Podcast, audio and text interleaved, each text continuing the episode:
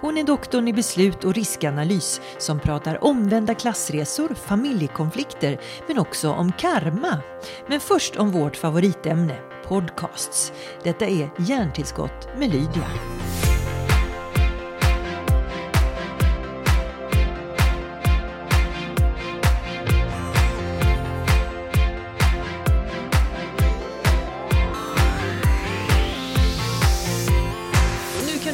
Att det, den här inspelningen har börjat. Ja. Så nu säger vi inga saker som vi ångrar, eller jag får säga. Det klipps ingenting? eller? Nej. Jo, ibland Nej. klipps det, Ja. men det är mest för att bespara eh, Lyssnarna. lyssnarna på konstiga saker som jag säger snarare. För oftast är det eller sånt där eh, skämsgrejer som jag tycker är, åh vilken dålig engelska. det klipper vi bort. Nej, men lite, ibland kan det vara så här, nu ska vi bara se så att vi... Är vissa avsnitt på engelska eller? Vissa avsnitt är på engelska eftersom vissa eh, som är gäster här är Ah. eh, engelsktalande. Det här är ju eh, en, ett sidospår, för vi har eller jag har funderat mycket på det för att, för att bredda marknaden för vår podd. Ja. Och att en del upplever att det blir konstigt om man har samma podd på olika språk. Eh, så då har jag sagt till Harry, då kanske vi kan ha så här beslutspodden international, liksom, eller någonting annat. Jag vet inte, Ja. men vad säger du om det där? Har ni Vi- märkt någonting? Eh, Vi är lite rufsigare än sådär. Vi Ja. kör stenhårt med svenskt namn och Ja. så ibland är det engelskt och ibland är det svenska. För generellt så är ju den svenska publiken vår publik Mm. och de kan ju engelska. Det är lite svårare att slå kanske utanför Sveriges gränser med en engelsktalande podd för då har du ju en, en näve andra som kan både bättre engelska och, är med, och är liksom, befinner sig på internationella marknader. Men det jag gillar är att sikta högt. Ja, Som- som absolut. Nej, men och vi, vi är inte så här jätte, oj, vi vill bli international speakers som väldigt många vill. Eh, för att vi känner att vi, det tar tid också. Eh, vi är i en, en vad ska man säga, period i livet där vi fortfarande har lite så logistik hemma, eh, hyfsat unga barn. Eh, fortfarande. Det är inte så enkelt, man vill inte vara borta, eh, varken från dem eller från varandra i jättelånga perioder, vilket det kan bli om man, om man ska resa runt väldigt mycket. Så att, Och det gör ni och det är för att ni eh, dels har uppdrag tillsammans och dels eh, det är era jobb liksom. ja. Eh, Men var är barnen då? Då har vi, det är det som är utmaningen, att vi har liksom ett pussel. Att det- min mamma egentligen är det som, som måste hjälpa till. Så om hon är bortrest så är det klurigare. Att åka bort båda två på en gång. Vad roligt, vad Ja. intressant. Och för de lyssnare som inte fattar det så är du ena hälften av Riabacke och Riabacke. Ja, Som dels, vi bara kastade oss in här. ja, som dels eh, också har en podcast som heter Beslutspodden som är fantastisk. Eh, och dels eh, är ni båda doktorer i beslut och riskanalys. Har jag rätt då? Kallar man det så? Nej, du får rätta mig om du vill om jag har sagt fel. Ja, men det har du helt eh, rätt i. Inget fel. Inget fel. Nej. Helt rätt i att du inte har något fel. Ehm, när det gäller eh, de personer som jag brukar prata med så är det oftast jobbet som är i fokus eh, och det man håller på med. Men jag är också nyfiken på dig som person, Mona. Eh, för du har lite grann bakgrunden som jag, det vill säga lite blandad kultur. Ja, precis. Min mamma kommer ju från Egypten. Eh, och pappa är svensk. Mm. Och mamma gjorde lite av en omvänd klassresa kan man säga. För att hon kom från egyptisk överklass och gifte sig med en svensk man från arbetarklass. Vilket inte var sådär helt okej då. Eh, utifrån hennes föräldrars perspektiv. Eh, så det är en... Eh, jag har haft en lärorik barndom kan man säga. Eh, utifrån allt vad det här har inneburit så att säga. Du, jag kan tänka mig det. Vad, vad kommer du tydligast ihåg då? Vad var konsekvensen av detta? Förutom det uppenbara att det var ett krasst nedköp för din mamma. Träffa en man som jag vet enklare... inte om jag skulle säga att det var ett krasst nedköp för henne. Men för för- hon för var ju lycklig. Men, men ehm, jag, jag, det jag kommer ihåg från barndomen var just det där med att mormor och morfar inte kom överens med min pappa. Eh, vilket gjorde att mamma fick dela upp semestrar och sådana saker. För att vi ändå skulle ha en relation med dem. De bodde i USA. Eh, så att vi... Så halva semestern var liksom med oss där och sen när vi blev större så lämnade hon oss några veckor med dem och så hade hon liksom semester lite med pappa och sådär. Så försökte vi göra något tillsammans som familj. Alltså det är lite sådär, man, jag kan tänka mig lite som, nu var inte de skilsmässoföräldrar, men jag kan tänka mig skilsmässobarn. Att man har den här äh, hela tiden, ja, man vill inte att de ska säga dumma saker om den andra. Om nu skilsmässan har varit på det sättet. Det är lite olika ju. Mm. Men eh, att det varit lite jobbigt. Man, man betedde sig på ett sätt hos mormor och morfar och sen när man var hemma och de dök upp i någon diskussion så var man lite försiktig med vad man sa kanske. Sådär. Tänk att i så unga år parera familjekonflikter. Mm. Och, ja, och som vuxen kan jag känna så här att, att de inte kunde reda ut det här. Mm. Eh, I perioder så umgicks de och perioder inte och sen till slut så sa de nej, det går inte. Liksom. Mm. Eh, och då gjorde de inte det längre. Jag känner igen mig en del av det, inte exakt likadant, men också eh, konflikter i släkten och familjen. Mm. Eh, och där eh, man tänker nu i efterhand, men varför kunde de inte reda ut det här? Mm. Eh, men nu är jag själv mitt uppe i, i en sån och det är svårt. Mm. En familjekonflikt. En, en ja. familjekonflikt där någon släkting inte pratar med den andra. Mm. Eh, skilda föräldrar som vägrar vara i samma rum ja. och detta har påverkat jular och Ja, för det blir ju, konsekvenserna blir ju de runt omkring. De, de som kanske inte kommer överens, de är nöjda för de slipper se varandra. Men det blir ju konsekvenser för andra som man kanske inte tänker på så mycket i, i det. Mm. Och, och jag menar, även om vi pratar om någonting som kanske är mer privat så tänker jag att mitt i detta så finns det någonting som hela tiden avgör vart vi går och det är ju beslut även där. Mm. Mm. Eh, varför kan vi inte vara mognare i våra beslut? Vilken bra övergång! övergång till, det, till det vi egentligen skulle prata om. Ja. Eh, Eller egentligen, det här är ju livet, ja. liksom, beslut eh, står vi inför varenda mm, sekund. Hela tiden. Därför att jag tror att, eller beslutsfattande handlar ju väldigt mycket om, om känslan. Eh, och ju mer infekterad känslan är, du ogillar någon, då har du väldigt svårt att ta det perspektivet att jag kanske ska vara öppen. Vad finns det för positiva egenskaper med den här? Och hur kan vi hantera att vi tycker olika om det här? Kan vi bara prata om det? Det blir inte neutralt när vi pratar om det. Det är känsloladdat hela tiden. Och då har man ju ett sätt att, en, en annan bild helt enkelt. Man är inte så objektiv då. Mm. Men du, någonstans har jag hört, och jag tror det är du som har sagt det, att eh, man ska aldrig fatta beslut när man är hungrig. Mm. Eh, trött eh, och, och, och, eh, eller arg, arg och sådär. Och, när jag tänker tillbaka, de flesta beslut jag har fattat är just i sådana lägen. Ja. Eh, för, för de kommer där och då, alltså behovet av att få ett beslut, mm. höra ett beslut eller ge något form av beslut. Mm. Och, det där är, kan inte du ge råd i hur man fattar besluten när det trots allt ändå är så? när man måste. när man måste. Nej, men jag, jag, tror ju att det jag brukar säga är att man ska inte fatta permanenta beslut baserat på tillfälliga känslor, sådana som du nu nämnde.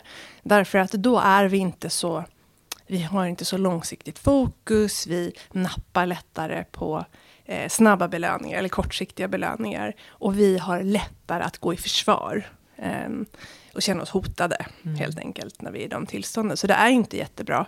Måste du i alla fall, då kan man ju ändå försöka liksom andas, några djupa andetag, hämta hem, låta den tänkande delen av hjärnan hinna med, även om du just nu är, är upprörd. Det var någon som uttryckte det så bra tycker jag, för att känslor de kommer i vågor.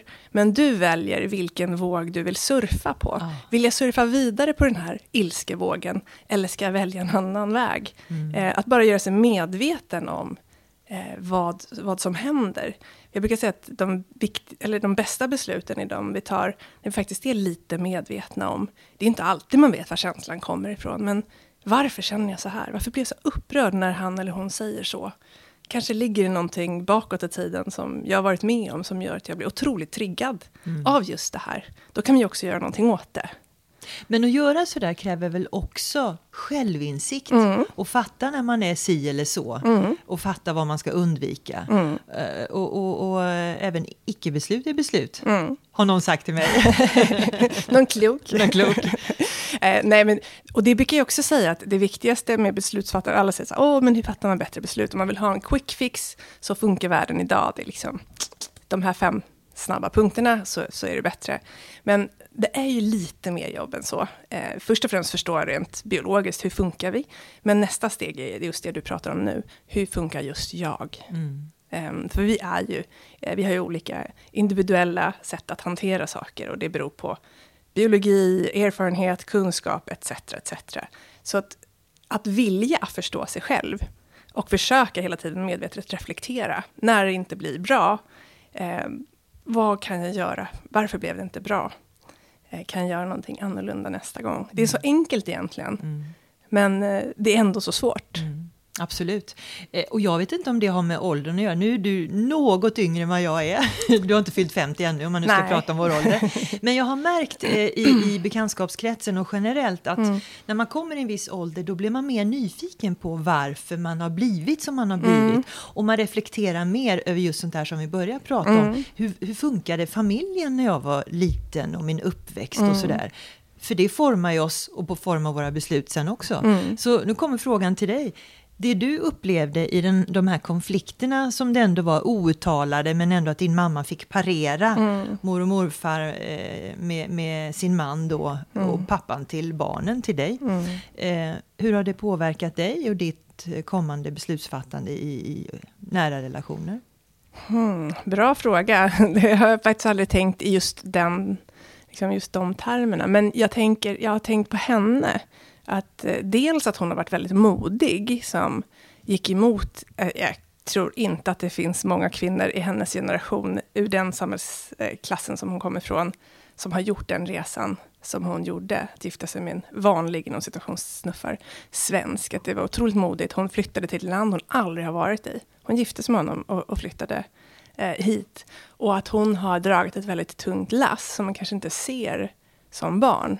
Eh, just det här att hela tiden parera. Eh, och mellan två parter som hon älskar väldigt mycket. Liksom sin mm. man och sina föräldrar. Och att hon ändå lät oss ha, för det tror jag kan vara en risk i det där, att hon ändå lät oss ha en sån bra relation med vår mormor och morfar. Um, för den sidan av familjen har betytt otroligt mycket för mig. Mm. Där skulle jag säga att de har lärt mig allra mest. Uh, vi har haft mycket mer närhet, trots att jag bara träffade dem en gång om året. Eh, och annars var det liksom telefonsamtal. Eh, så har ju de påverkat mig så mycket mer än, än min svenska släkt som bor i samma stad. Hur kan, hur kan det komma sig? Jag tror att de har ett annat sätt att eh, familj är viktig på ett sätt som kanske inte alla svenska familjer nu kan man inte kategorisera så, för det finns ju svenska familjer som har så. Men generellt så är familj väldigt, väldigt viktig där. Eller, och relationer, liksom vänskapsrelationer. Man hjälper varandra. Det har hänt mig flera gånger att, det, att folk har kommit liksom... Ja, men jag har blivit, någon har hört om sig från Egypten, för jag har ju kontakter och släkt fortfarande där. Även om mormor och morfar inte lever. Men eh, som kan säga så här, ah, men min kompis ska jobba i Sverige eh, nu, eller min kompis kompis kompis ska jobba i Sverige nu. Skulle du kunna tänka dig liksom att ta en fika eller vad som helst? Eh, att man liksom hjälper varandra på ett sätt som jag känner att det kanske inte är lika mycket så som vi eller, I alla fall inte min svenska släkt var inte så. Nej, jag kan nog känna igen det där att, att eh, eh man... Eh, att, utanför den här nationens gränser så har man ett annat sätt att förhålla sig till släkt och mm. mosters, moster, eller mosters kusin och mm. allt det där. Plötsligt hjälper man hela världen. Ja. Eh, och jag vet inte vad det beror på om vi... Om vi jag vet inte, jag känner mig väldigt svensk. Ja. Eh, samtidigt som jag känner mig väldigt... Det är som mina föräldrars kultur, italiensk och slovensk. Ja. Men jag vet inte, hur, när känner du dig egyptisk? Mm, vilken bra fråga. jag känner mig nog just i de situationerna att jag kanske eh, ja, hjälper eller eh, tar mig den tiden, fast jag kanske inte egentligen har den tiden. Nej, det har du eh, verkligen inte egentligen. Så för att, eh, och då säger en så åh men du är så snäll, men det är också så här att för mig så känns det ganska naturligt att hjälpa på det sättet. För att det är så de påverkade mig och det är så folk gör där. Och jag gillar det. Mm. Alltså jag skulle uppskatta det så otroligt mycket om jag själv hamnade i ett land och kände ingen. Eh, finns det bara, för oftast är det bara så några små saker som man bara behöver hjälp med i början och sen kommer man igång. Och så har det varit för de här personerna. Eh, de har blivit jättesjälvständiga så småningom, men att bara känna någon. Förstår du vad jag menar? Mm, mm. Eh, det skulle jag uppskatta tillbaka väldigt mycket. Jag tänker så ibland. Ja, men vad skulle jag uppskattat? Vad skulle jag gillat? Och jag tror på att vara snäll. Mm. Även om samhället är väldigt uppbyggt, uppbyggt kring individualism och, och, och lite tjänster idag. och gentjänster. Att ja. man förväntar sig någonting tillbaka bara ja, för att man, för att man har gjort det. Mm. Ja. Men du kommer ju delvis då från en kultur, jag, jag tänkte på karma Mm, precis, eh, jag tänker så faktiskt. Ja, men jag tänker, det där har jag börjat tänka mer och mer, att what goes around comes mm. around. Det du gör mot andra kommer förr eller senare tillbaka, mm. både det onda och det goda du pysslar med. Mm. Eh, och jag vet inte om det har något med egyptisk kultur att göra, men jag tänker på att det är en väldigt eh, gammal och antik kultur. Och där mm. tänkte man ju också eh, väldigt eh, modernt, fast det var så länge sedan på något mm. sätt. Ja, just det. Mm. Karma, hur känner du för det? Men jag tror, alltså jag brukar, vi brukar faktiskt skriva det när vi frågar våra poddgäster om de vill komma. Eh, I gengäld utlovas evig tacksamhet och skön karma. eh, för att eh, jag tror verkligen på det. Och sen så, visst, du kanske inte alltid får tillbaks från samma ställe som du gav någonting eh, till, men på, på ett eller annat sätt så tror jag att det kommer tillbaka. Och jag tror att världen, eh, skulle alla försöka tänka så, så skulle världen bli... Alltså alla religioner egentligen, nu är inte jag religiös. Eh, det var också en sån konflikt liksom, när jag växte upp mellan eh, pappa som är ateist och mam, eller mammas släkt som var muslimer. Men eh, att det, det finns de goda sakerna i religioner. Sen är det inte alltid som det fokus är på det, men de goda sakerna, det handlar ju väldigt mycket om att vara generös, ge till andra. Eh, det, what goes around comes around, lite mm. så. Mm. och det tror jag på. Mm. Ska världen bli en bättre plats, eh, då är, då är det något som jag tror att man bör tänka på, liksom utanför sin egen lilla bubbla. För det är så mm. lätt att man fokuserar på den. Eh, och jag tror också på det här med för det kan jag känna att det har ju ändå gett mig någonting. Jag känner mig väldigt svensk. Eh, sen gillar jag vissa delar av det egyptiska. Men när... Ja, min pappa han sa alltid sådär, för jag tyckte det var lite jobbigt. Jag vet inte vart du växte upp, men jag var ganska ensam och var... Det var inte så många blandbarn inom snuffar när jag växte upp. Eh, och ibland kunde jag tycka att man vill ju vara som alla andra. Och ja, jag var inte jättestolt alla gånger när jag var liten över att vara halvegyptisk. Ja, när jag hade hemspråk tyckte jag det var jättepinsamt och så vidare. Alltså jag känner igen mig så väl Vet du att jag använde vätesuperoxid för att blondera mig? Ja. Och jag växte upp i Skåne, eller i alla fall från när jag var tio år. Så jag stod ja. framför spegeln och övade diftonger så jag skulle låta som alla andra. Ja, så nu är jag helt dialektalt förvirrad, men det är en annan historia. Men jag känner igen mig. Man ville vara som alla andra. Man ville vara som alla andra, men det, pappa sa alltid så här att blandbarn, de blir både smartare och snyggare än sina föräldrar. Och om folk bara gifte sig över, vad ska man säga, landsgränserna lite mer, så skulle det inte vara något krig i världen. Mm. Och det där har jag tänkt på mycket, att för så fort du... Jag tror inte jag skulle se på samma sätt på Egypten om inte jag hade haft släkt där. Min man skulle definitivt inte se på... Han säger det själv, att det har verkligen förändrat hans sätt att se på den delen av världen, som vi annars har ett ganska så här, mm, jag vet inte, det finns en ganska barriär, men man ser på det annorlunda därför att man har, det är en känsla, mm. återigen. Eh, du fattar beslut utifrån din grundkänsla. Jag ser på dem med värme. Förstår du vad jag menar? Ja. Så skulle man ha den, liksom, då skulle man ju få förståelse för många andra kulturer och sätt att göra saker och sätt att se på saker.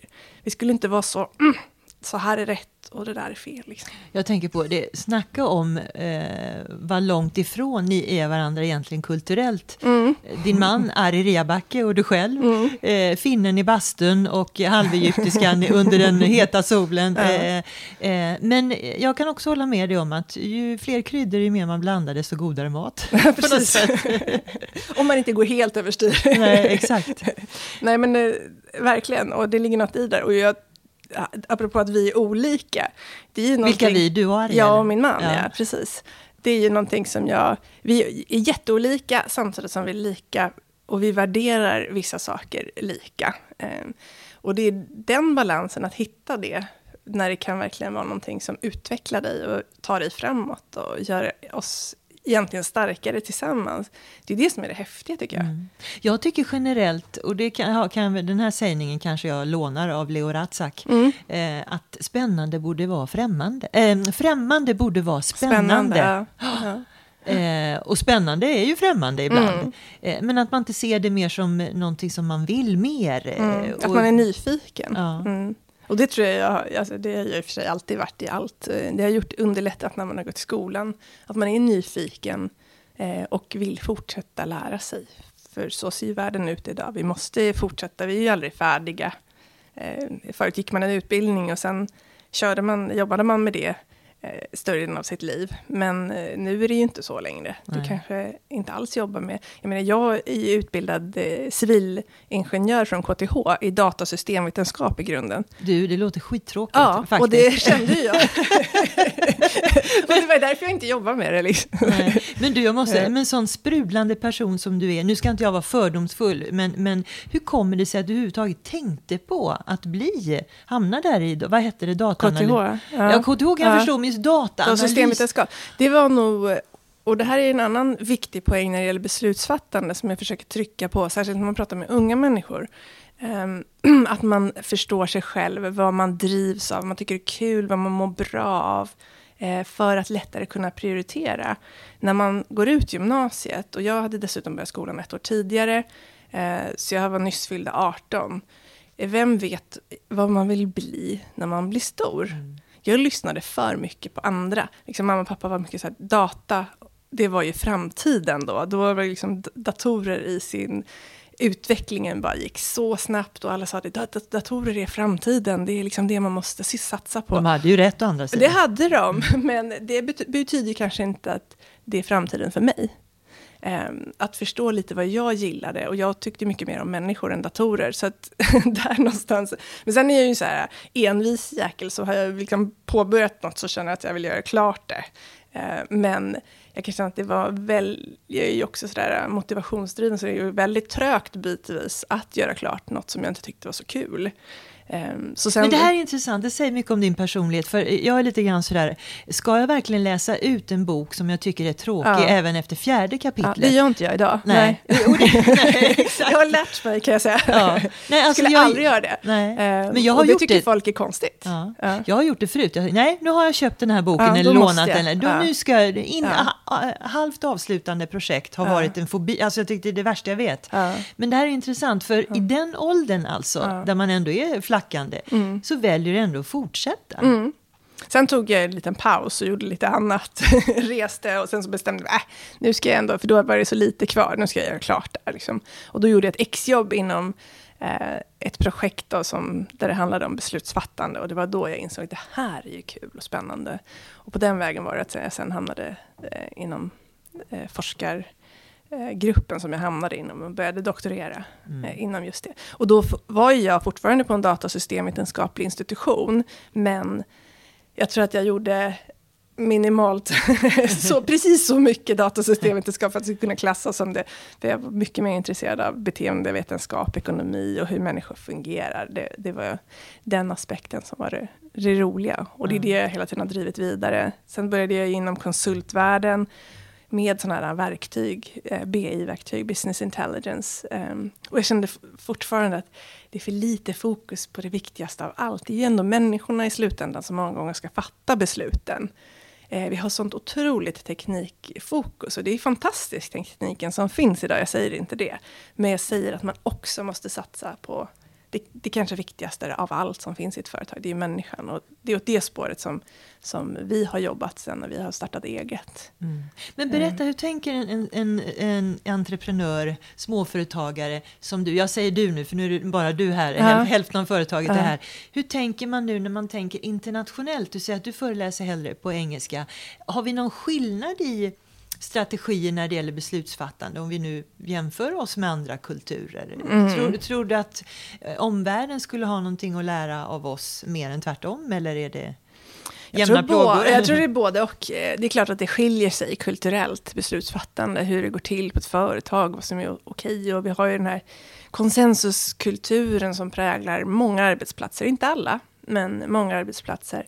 Eh, man, alla ska vara med och tycka till. Och det kan göra att det blir lite långsamt, blir, blir lite rädda om inte alla är med på tåget och så vidare.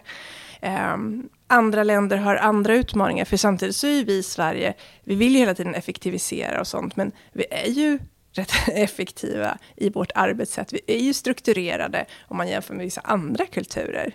Um, så då känner jag så här, nej men allt är relativt, så är det. Så att det finns säkerligen saker som andra kan lära sig av oss. Uh, absolut. Jag tänker, modernt beslutsfattande eh, känner jag igen från er beskrivning, hur, hur ni beskriver vad ni, vad ni eh, föreläser om. Eh, finns det någon skillnad i det moderna och eh, det traditionella mm. beslutsfattandet? Och vad är det i så fall? Och är det en generationsfråga eller handlar det bara om nya tider? Ja, det beror lite på vad du menar med det moderna eh. För att, Ledarskap till exempel? Ja, det moderna ledarskapet eh, tror vi väldigt mycket på handlar om. För man pratar hela tiden, det är så många som är så oroliga inför framtiden. Vad kommer komma? Och det är ju mycket osäkerhet. Eh, och det gillar vi inte. Rent biologiskt så har vi svårt för det.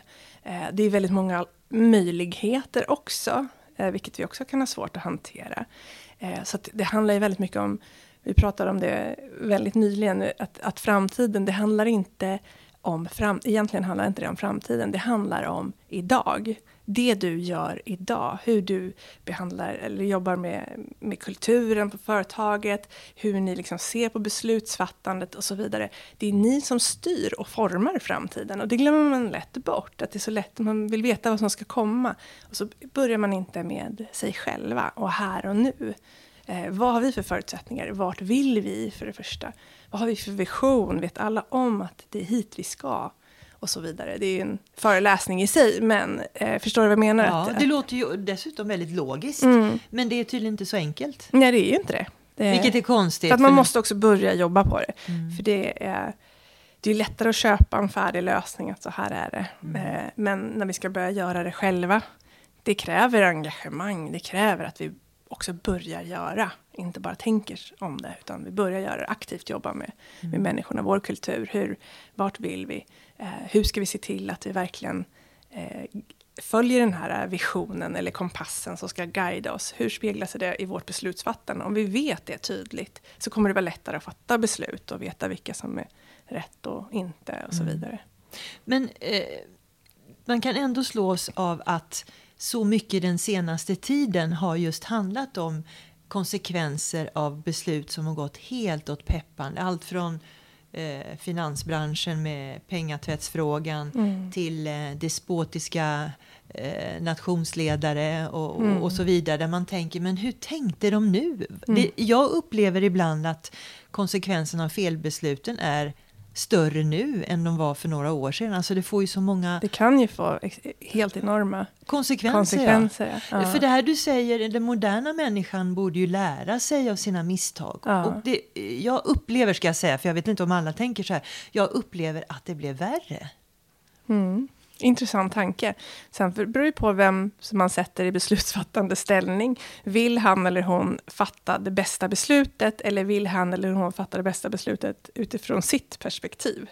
Det tycker jag är en viktig och relevant fråga att ställa sig. Ja. För vill du fatta det bästa beslutet, då involverar du andra eh, som kanske inte tycker och tänker likadant. Du liksom försöker på något sätt eh, jobba utifrån någon slags strukturerad eh, process när du ska fatta det här beslutet. Eh, men jag får en känsla av att vissa beslut idag, för att du sitter på en väldigt hög post eller har en makt, Eh, kanske inte fattas eh, av den eh, att en person verkligen har tänkt igenom det. Sen kan det faktiskt bli fel. Ju större osäkerhet vi har omkring oss, ju fler komponenter som ska, så är det ju inte helt konstigt att det blir fel ibland. Och det tycker jag också är en viktig poäng, att vi ändå ska våga fatta beslut. Förstår vad jag menar? Mm. Att man inte hämmas av den här rädslan att det ska bli fel, för att man kommer bli uthängd. Och det där är ju en balansgång alltså. Mm. För det... många jobbar ju bara så. Ja. Fattar beslut hela tiden mm. utan mm. att tänka, tänka på konsekvenser. Ja. Eh, så, men, men, det lustiga är att det oftast är så att man är antingen eller, känns det som. Antingen är man otroligt modig, man tänker inte efter så, så noga. Eller så är man, tänker man för mycket. Man behöver hitta någon slags balansgång mellan de här två sätten att agera. Mm. Du sa någonting väldigt klokt, du säger massa kloka saker, men du sa att det beror på om du fattar ett beslut som är bra för dig själv mm. eller bra för alla. Mm. Eh, och det är ju väldigt, väldigt intressant, för mm. att beslut kan ju vara bra just för att det gagnar dig, men mm. inte omgivningen. Eh, men hur ska man läsa av människors intention? Oj, den är svår. Den är svår. Och det kanske inte är ditt område, för nu är vi inne på beteendevetenskap. Ja, nej, men jag tror också att eh, vi är så bra idag på att eh, vi har ju så mycket information runt omkring oss. Det finns så mycket så att beroende på hur du, det var ju en del av min forskning, hur vi hur you, how you frame something, alltså framing heter begreppet, hur du framställer, vad du presenterar för information, får också stor påverkan på eh, vad jag presenterar för information för dig kommer få stor påverkan på vad du fattar för beslut. Och är jag duktig på det där och vill en viss sak, så kan jag lyfta fram sådana saker som kommer få dig att fatta rätt beslut utifrån mitt perspektiv. Det är manipulation. Väldigt, väldigt, ja, manipulation. det är en slags manipulation. Det är väldigt svårt egentligen att framställa en situation helt objektiv. Eh, det är nästan till omöjligt. Mm.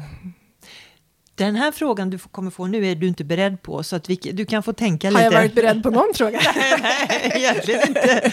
Egentligen inte. Eh, jag har vetat allt, du har vetat inget. Om du nu fick ta eh, din kunskap och dina strategier och, och, föreläsa i något sammanhang eller för någon eh, som du känner att du kan påverka mm. till något bra eh, så att det får en bra konsekvens. Mm. Vad känner du att det behovet finns mest? Är det något företag eller någon nation eller något sammanhang? Um, och... Överallt, Lydia. Säger som den gamla industriledaren uh, Hans Werthén. Ja. Han satte sig i en taxi någon gång och så frågade taxichauffören vart vill han att vi kör? Och då sa han, ta mig vart fan som helst, de behöver mig överallt. Jag tycker det är roligt.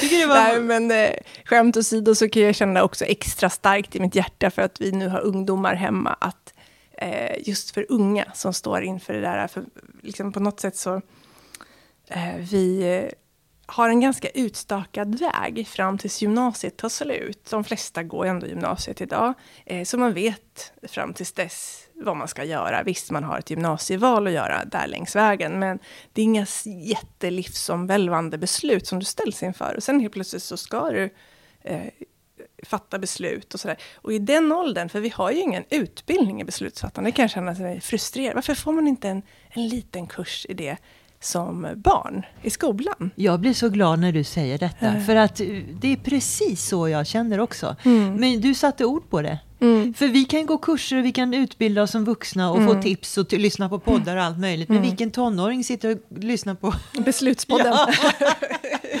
eh, men du har helt rätt i det. Att lära sig att tänka. Tidigt. Ja. Eh, förstå liksom, saker om sig själv. Det kan, det, effekten av det skulle ju bli enorm på en livstid. Ja. Att man faktiskt började i tid. Men doktor Mona Riabacke, mm. hör du att du precis har kläckt en affärsidé? Precis.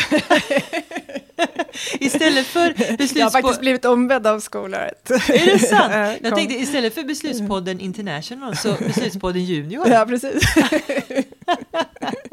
en ny eh, målgrupp. Ja. Det här gav en jättemycket tankar och inspiration eh, mm. när vi avslutat det här samtalet till hur man ska hjälpa unga. Det är ju fantastiskt. Doktor Mona Riabacke, så roligt att ha dig här. Det blev ju ett långt samtal om allt möjligt. Om allt möjligt. Som det ska vara ibland. Ja. Tack för att du kom. Jättekul att du bad mig komma.